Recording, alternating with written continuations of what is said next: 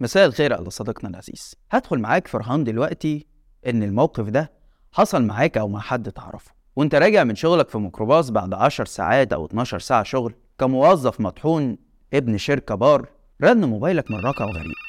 فتحت كده وأنت قرفان فاكره أحد عملاء الشركة المتعبين؟ فإذا به صوت انثوي جميل هادي بيشيل عنك غبار طول اليوم. وبيقول لك إزيك يا أستاذ وليد؟ مع حضرتك نسمة من شركة أي حاجة للتطوير العقاري. عندنا يا فندم وحدات بلا بلا بلا في العاصمة الإدارية الجديدة مع كل ما يميزها من كونها مجتمع جديد ومستدام وفيها أطول برج وأدخن جامع وحاجات كتير جدا. وعندنا يا فندم برامج تقسيط مريحة جدا وبلا بلا بلا. وأنت لحد دلوقتي بتسمع ومستمتع. وهو لو مش هتشتري يبقى سمعت صوت لطيف يهون عليك تعب اليوم. لغاية يا معلم ما تيجي الفقرة بتاعت الملايين اللي هتدفعها. هنا بتلاقي الشريط رجع بيك لأول ما خرجت من الشغل.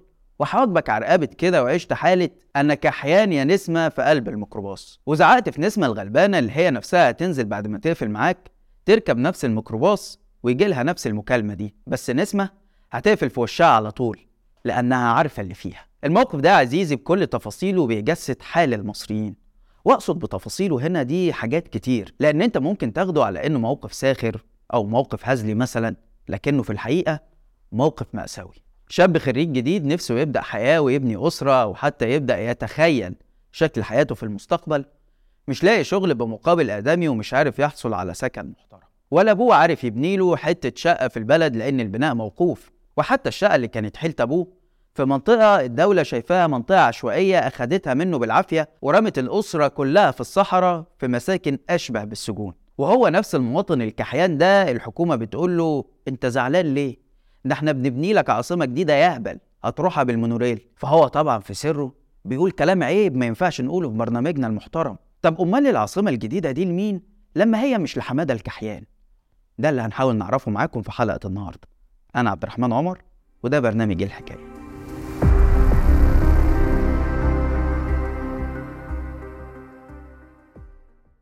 الثورة كانت إعلان كانت في تقديري أنا شهادة وفاة لدولة. شهادة وفاة لإيه؟ لدولة احذروا ها. الكلام اللي كان اتعمل من سبع ثمان سنين مش هيتكرر تاني في مصر قسما بالله اللي هيقرب لها لا أشيله من فوق وش الأرض صديقي العزيز قبل ما ندخل في صلب موضوعنا اسمح لي كده أتفلسف عليك شوية صغيرين جدا مش هنطول فيها هل سألت نفسك مرة عن تعريف المكان؟ إيه هو المكان ده؟ المكان يا صديقي في أحد أكثر تعريفاته اختصارا هو إنه حيز لحركة البشر وتفاعلاتهم الاجتماعية وحوارهم وتواصلاتهم وعملهم العام. يعني الموضوع كبير يا عزيزي مش مجرد شوية طوب وخرسانة. كونك لما بتحب تبني شقة بتجيب مقاول أنفار يعملها لك من غير فلسفة ده ما يعنيش إن الموضوع بسيط. لأن نفس المقاول ده لو بيعمل شقة في مصر الجديدة غير لو بيعمل شقة في المطرية غير برضه لو بيعمل بيت في محافظات الدلتا وطبعا غير محافظات الصعيد. أنت ممكن تشوفه مجرد مقاول بسيط. بس تكوينه البشري الطبيعي بيفرض عليه إنه يلبب العمران اللي هو هيشتغل عليه طلباتك أنت. كواحد العمران ده هيمثل لك وعاء وهيكون شاهد على تفاعلاتك الاجتماعية ومؤثر فيها. خلصنا فلسفة يا صديقي.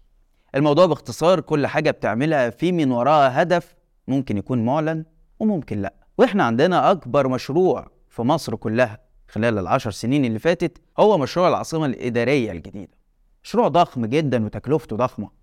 وتكلفته مش واقفة على العاصمة بس ده لسه في خطوط مواصلات علشان تربطها بالبلد لأن العاصمة الجديدة في الصحراء في الصحراء حقيقي مش مجاز هي على بعد 50 كيلو شرق القاهرة في الظهير الصحراوي للمدينة. وهنا بيظهر سؤال مهم جدا الحقيقة أنت هتمول مشروع زي ده منين وأنت عندك أزمة اقتصادية ضخمة لا تخفى على أحد؟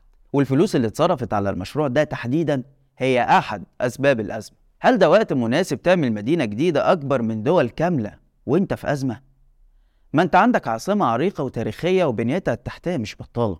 هي صحيح مش أحسن حاجة بس ممكن تكون أحسن حاجة لو اتصرف عليها خمسة في المية بس من اللي اتصرف على العاصمة الجديدة. الإجابة هنا متوقفة على الهدف من العمران ده يا صديقي اللي اتكلمنا عنه فوق طبعا. في واحد ممكن يبني مدن كاملة جديدة علشان خاطر يحل أزمات سكانية فيبني المدينة حواليها مجتمعات عمرانية كاملة وده يساعد في عجلة الإنتاج فينعكس على الناس بالإيجاب وعلى أرقام الدولة بالازدياد.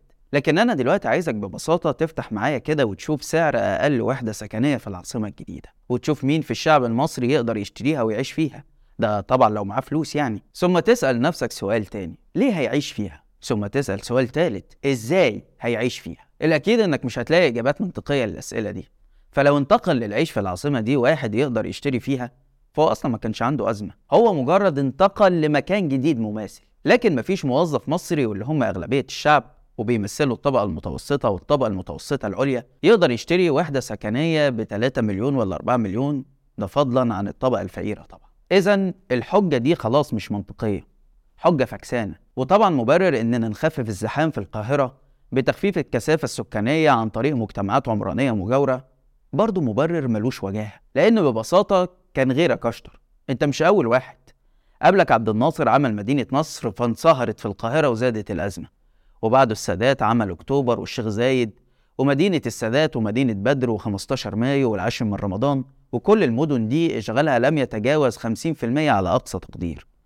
طيب إيه الهدف من ورا الكلام ده كله؟ لو بصينا على شكل العاصمة الحالية اللي هي بقت قديمة في عهد السيسي هتقدر تكون صورة عن اللي بيحصل. العاصمة الحالية مؤسسات الحكم فيها منصهرة مع الشعب. يعني تقدر تعدي من قدام القصر الجمهوري وتدخل مبنى أي وزارة قصادك.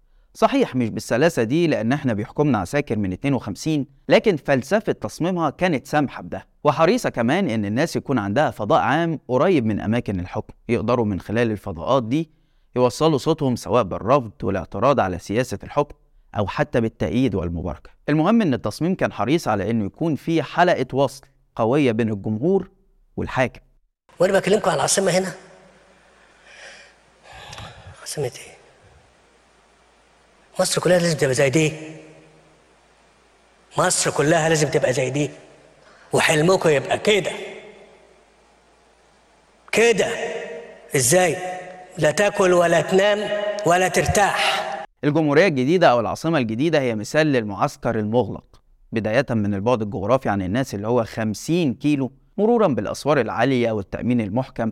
وليس انتهاء بضخامة المباني وعدم فائدتها بما تحمله من رسائل إرهاب وتخويف وسيطرة. لما تشوف صور الأقمار الصناعية للقصر الرئاسي اللي بيعمله السيسي لنفسه في العاصمة الجديدة وتعرف إن حجم مبنى القصر بس 50 ألف متر مربع. وتعرف إن حجم البيت الأبيض مقر حكم الرئيس الأمريكي بجلالة قدره 5000 متر بس. يعني قصر السيسي قد البيت الأبيض 10 مرات. تقدر تفهم الرسالة بوضوح. ما هو أكيد السيسي مش أهم من بايدن يعني ولا إيه؟ بس الأكيد إن عنده عقدة نقص مش عند بايدن. عايز يوصل لك الرسالة إن أنت كمواطن بعيد. انسى. انسى خالص اللي أنت عملته في 2011 إنك تقف لي كده في الفضاء العام وتعترض وتقول لي أنا عايز وعايز. انسى إنك في يوم من الأيام تفكر تعمل زي ما عملت يوم 11 فبراير وتقرر تمشي لغاية القصر الجمهوري عشان تقف لي قدامه لا.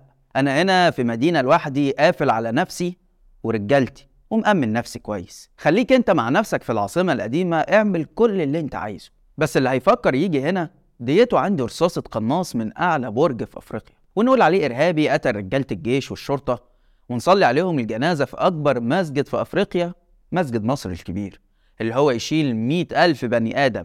لكن أنا هصلي أنا والرجالة بتاعتي بس. ولا أقول لك هو أنا هسيبك ليه أصلا لما توصل للمرحلة دي؟ أنا همحي لك أي حاجة تفكرك باللي حصل ده. فاكر الميدان اللي أنت وقفت فيه وعملت الثورة؟ أنا هغير ملامحه. مش هخلي فيه أي دليل إنه كان في يوم من الأيام أنتج حركة سياسية غيرت نظام الحكم. أي حاجة عندك ليها رمزية هتختفي. علشان الجيل اللي جاي يجد حالة من المسخ لا تدلل على أي شيء. حتى المباني هغير وظيفتها. هل الفلوس اللي هتيجي من ورا مجمع التحرير لفندق مستاهلة؟ الحكاية مش قصة فلوس بس. مبنى زي ده هو أكتر حاجة لما تشوفها تفتكر ثورة يناير. زي بالظبط كده لما تعدي من قدام مدرسة ابتدائي ترجع تفتكر مدرسة الحساب اللي كانت مستقصداك وتفتكر حب ابتدائي لهبل وتفتكر جرس الفسحة. تخيل نفسك عديت على المدرسة دي في يوم من الأيام لقيتها اتحولت لاسطبل خيل. أنت بالشكل ده في سنوات من حياتك ماتت خلاص. اختفت من الذاكرة الإنسانية تماما. الموضوع واصل معايا لتغيير تركيبة الميدان نفسه. المسلة الكبيرة الطويلة والأسود الأربعة والأمن المكثف والجرافيتي اللي كان على الجدران واستبداله بصور وبشعارات الشرطة العظيمة و25 يناير عيد الشرطة. الموضوع مش متوقف على مؤسسات ليها رمزية شعبية زي مجمع التحرير بل ممتد لمؤسسات كانت شاهدة على الهزيمة. مؤسسات اتهزمت في لحظة تاريخية. النظام عايز يمحيها من الذاكرة الجماعية. مبنى الحزب الوطني رمز الحكم في 25 يناير اللي الشعب في أول فرصة ولع فيه كتعبير عن الرفض. ده كمان النظام هيغير هويته ووظيفته لأنه هيفكر الشعب إنه في يوم من الأيام كان عنده قدرة على الفعل السياسي. ده مش بس بيدمر الرموز العمرانية اللي كانت شاهدة على لحظة الثورة علشان الناس ما تفتكرهاش. ده هو بيستهدف العنصر البشري نفسه عن طريق تفكيك التجمعات البشرية القادرة على الانصهار والتفاعل وبالتالي الفعل السياسي. الدكتور علي عبد الرؤوف أستاذ العمارة ونظريات التخطيط العمراني بيسمي ما يحدث من إزالة مناطق فيها كتل بشرية بشكل كامل زي مثلث مسبيرو وجزيرة الوراق ومنطقة المكس وعشرات المناطق اللي النظام بيعتبرها عشوائية بإنها سياسة البلدوزر. وبيصف أثرها إنه عبارة عن تقطيع أوصال المجتمع العمراني المستقر وسحق الذاكرة الجماعية للمصريين وتفكيك كل مساحات الالتقاء البشري اللي كان الناس بيقدروا من خلاله يتبادلوا أفكارهم وهمومهم وأحزانهم وتحويلهم إلى عناصر غير متفاعلة اجتماعيا عن طريق نقلهم لمدن على الأطراف محاطة بأسوار كبيرة عبارة عن كتل أسمنتية زي الأسمرات وغيرها. الناس فيها عبارة عن أرقام بتتحرك تحت عين الأمن بيدخل ويخرج بجدول غير مرسوم لكنه مجبر عليه عمليا. وبالتالي الناس أصبحت تحت عينه فيما يشبه المعسكر الكبير. تصميمه للمدن دي نفسها تصميم يغلب فيه الطابع الأمني على الطابع المعماري اللي بيضع الإنسان هو العنصر الرئيسي وينشئ العمران علشان يلبي احتياجاته. في الفلسفة الجديدة الإنسان أو العنصر البشري تحول لمجرد عنصر في منظومة البناء. لما تبص على شكل الأبراج الجديدة في منطقة مسبيرو يجيلك ضيق تنفس كده تحس إن مفيش مكان ومفيش نفس. الهدف تحويل هذه الناس لأرقام يسهل السيطرة عليهم. عندنا أمن عارف تحركاتهم كلهم. قافل عليهم الفضاء العام لا يقدر حد يلتقي مع حد ولا حد يقابل حد. ولو عمل كده يبقى تحت عينينا. لو الأمر نزل هخلي الجيش المصري ينزل كل قرى مصر وأنا جبنا معدات هندسية تكفي إن أنا أنزل على القرى دي وأبيد وأشيل كل الكلام ده بالمعدات الهندسية. طب أنت عايز تبني؟ خليني أنظم لك وأبني لك أنا. أخطط لك الأرض وأقول لك ابني هنا حتى لو كانت على الأرض الزراعيه أنا عشان أفتح شارع بشيل بالألف عمارة أو ألف بيت. هو ده الحال. هو ده الحال. نصلحه ولا نسيبه؟ نصلحه. طب نصلحه على حساب الناس ولا على حساب الدولة؟ الصحفي سام إليس بيحلل في تحقيقه الشهير على قناة فوكس شكل تصميم المدن الجديدة اللي بيعملها النظام وأبرزها العاصمة الجديدة. وبيرجع للحظة يناير الفارقة اللي هو شايف إنها السبب الأهم في إلهام السيسي في تصميم المدن دي. فقرب مقرات الحكم وسهولة وصول الجموع لها ألهمه لاختيار مكان بعيد في وسط الصحراء علشان يؤسس فيه مدينته الجديدة يصعب على الجموع إنها توصل له. مش بس يصعب ده غالبا هيكون مستحيل على الجموع دي إنها توصل له. وقدرة الجموع على التنظيم والتواصل السهل مع بعضهم في منطقة وسط البلد في القاهرة واتصال الشوارع كلها في فضاء عام واسع زي ميدان التحرير وقدرتهم على السيطرة على الميدان من خلال إغلاق مداخله بشكل محكم ألهمه لأنه يصمم المدينة الجديدة بشكل معقد. لحد هنا انتهى كلام الصحفي. لكن لما تراجع التقسيم العمراني للعاصمة تلاقي المنطقة اللي المفروض يسكن فيها الموظفين اللي هيشغلوا المؤسسات الحكومية والوزارات على أطراف المدينة ومحاطة بتأمينات إضافية وبعيدة عن أماكن إقامة رجال الدولة الكبار والأحياء الحكومية. وهيكون دخولهم للأحياء الحكومية بمواصلات مؤمنة وتصاريح خاصة. وإذا كان ده فيما يتعلق بموظف حكومي مقيم أصلا في العاصمة فما بالك بقى بالمواطن العادي اللي هيكون محتاج يخلص مصلحة فمضطر إنه يسافر للعاصمة الجديدة تحت عين الأمن بالإجراءات المشددة دي. وكل الإنفاق على عملية البناء والتأمين وإحنا بنتكلم في ظروف دولة على وشك الانهيار الاقتصادي مش في دولة في وضعها الطبيعي. لكن زي ما قلنا في الأول الموضوع مرتبط بأولوية من يحكم. أولوية النظام الحاكم مش إنه يكتسب مشروعيته من الشعب فيبدأ يفكر للشعب ولرفاهيته ولتأمين حياة كريمة تليق بيه. هو أولويته إنه يهرب بعيد عنه ويحكم من فوق. ويسيبه تحت ياكل في بعضه ويوم ما يحتاج ويرفض يقدر يسيطر عليه بسهولة. كلامي أو كلام غيري مش معناه إنه السيسي مش هينجح في تحقيق الهدف ده وبرضه مش معناه إنه خلاص نجح بالفعل. دي معطيات بنحطها قدامنا علشان نقدر نفهم عقلية اللي بيحكمونا. لكن التاريخ والتجارب بتقول لنا إن الدكتاتور دايما بيحاول يوصل رسالة من خلال شكل مؤسسات حكمه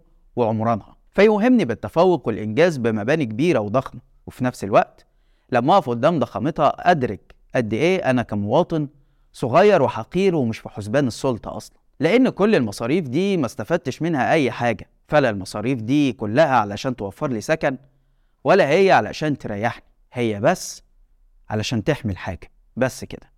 لحد هنا وحلقتنا خلصت. لو الحلقة عجبتك اعمل like و share واشترك في القناة عشان يوصلك كل جديد. وما تنساش إنك تقدر تسمع البرنامج بتاعنا بودكاست من الروابط اللي هتلاقيها في التعليقات. وتابعنا على حساباتنا الجديدة في الانستجرام والتيك توك. واستنانا بقى كل يوم اتنين وجمعة الساعة 8 بالليل بتوقيت القاهرة في حلقة جديدة من برنامج إيه الحكاية؟ سلام.